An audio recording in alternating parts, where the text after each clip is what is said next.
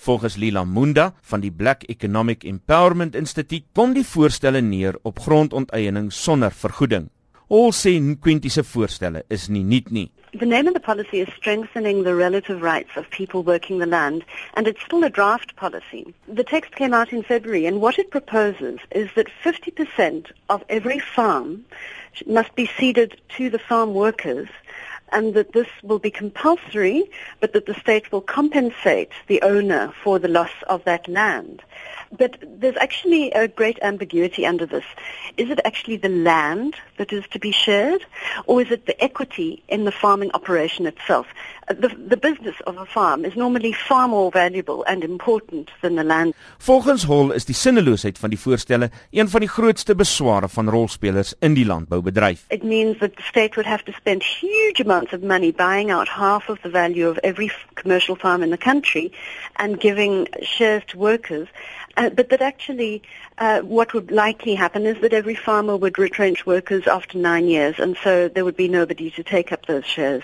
Uh, they also point out that you know, if you're on a large apple farm in the Western Cape, there might be many, many workers, whereas if you're on a sheep farm in the Karoo, then there'll be only one or two. Indien die minister se voorstelle wat oop is vir kommentaar tot April volgende jaar wel geïmplementeer word, kan die hoeveelheid werkers, boere en grond wat hierdeur geraak sal word, die regering se omstrede wapentransaksie oorskadu, sê Hall. It would affect all commercial farms in South Africa, which is nearly 40,000 commercial farms.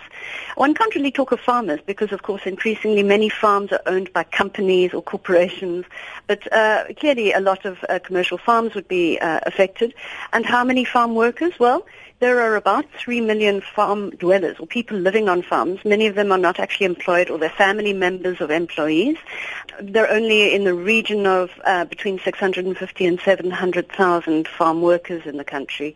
So, you know, it is a large population. Intussen hang die beleggingswetsontwerp van 2013 ook nog soos 'n donker wolk oor die landboubedryf. Die wetsontwerp wat die moontlikheid van eiendomsonteiening oor 'n breë front inhou, kan volgens skeptici ook grondonteiening sonder vergoeding bevorder. Hul sê die wetsontwerp behoort nie te veel kommer te kweek nie. One must remember that when people are worried about expropriation, expropriation with compensation is allowed in our constitution. Expropriation without compensation, which is what the economic freedom fighters are calling for, is not uh, allowed in our in our constitution. So, you know, with a two-thirds, uh, nearly two-thirds majority for the ANC, it looks like um, government is not moving towards expropriation without compensation. Given that the ANC hasn't even done much expropriation with compensation, it doesn't look like politically that is where we're going. Maar die groot kwelling onder boere en landbourolspelers is die vraag of Suid-Afrika in 'n tweede Zimbabwe gaan ontaard waar grond voor die voet gewelddadig onteien word sonder enige vergoeding. Hul meen die verskille tussen die twee lande is te groot om die kwelling te regverdig. There are a few important differences between South Africa and Zimbabwe. One being that in Zimbabwe there really is an agrarian economy or there was um, and you know, in South Africa, the rural areas are not the heart of the economy, and most people's demands for a decent livelihood in South Africa are demands for uh, for urban livelihoods and for jobs.